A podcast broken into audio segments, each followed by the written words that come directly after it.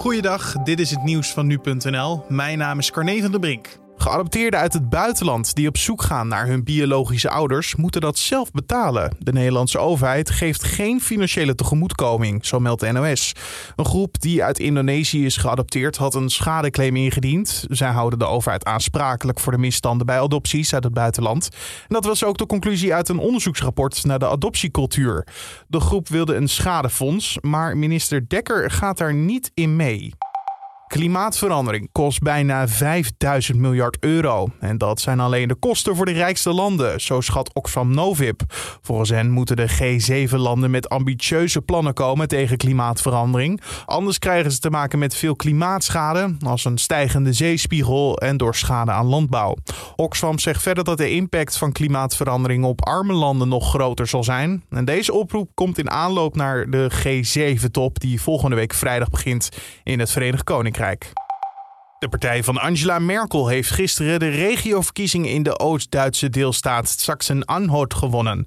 Volgens de definitieve uitslag heeft de CDU 37% van de stemmen gekregen, ruim 7% meer dan bij de verkiezingen vijf jaar geleden.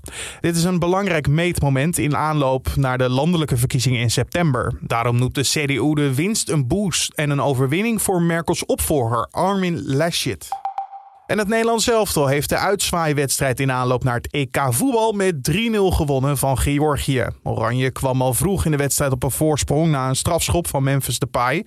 En Wout Weghorst en Ryan Gravenberg scoorden de 2 en 3-0. Het was ook gelijk hun debuutgoal voor Oranje. En daar was Weghorst extreem blij mee. Puur ontlading, dat is blijdschap. Dat is mijn eerste doelpunt natuurlijk. Dat is voor mij als voetbal is dat mooi. Maar met name ook uiteindelijk omdat gewoon uh, in deze wedstrijd ook gewoon een belangrijke goal is. En uh, het voornaamste waar het om gaat is niet om mij of niet om omdat ik mijn eerste doelpunt maak. Omdat wij met een goed gevoel richting het EK gaan. En volgens mij hebben we dat nu allemaal gedaan. En volgens bondscoach Frank de Boer is het Nederlands elftal klaar om zich volledig te focussen op het EK.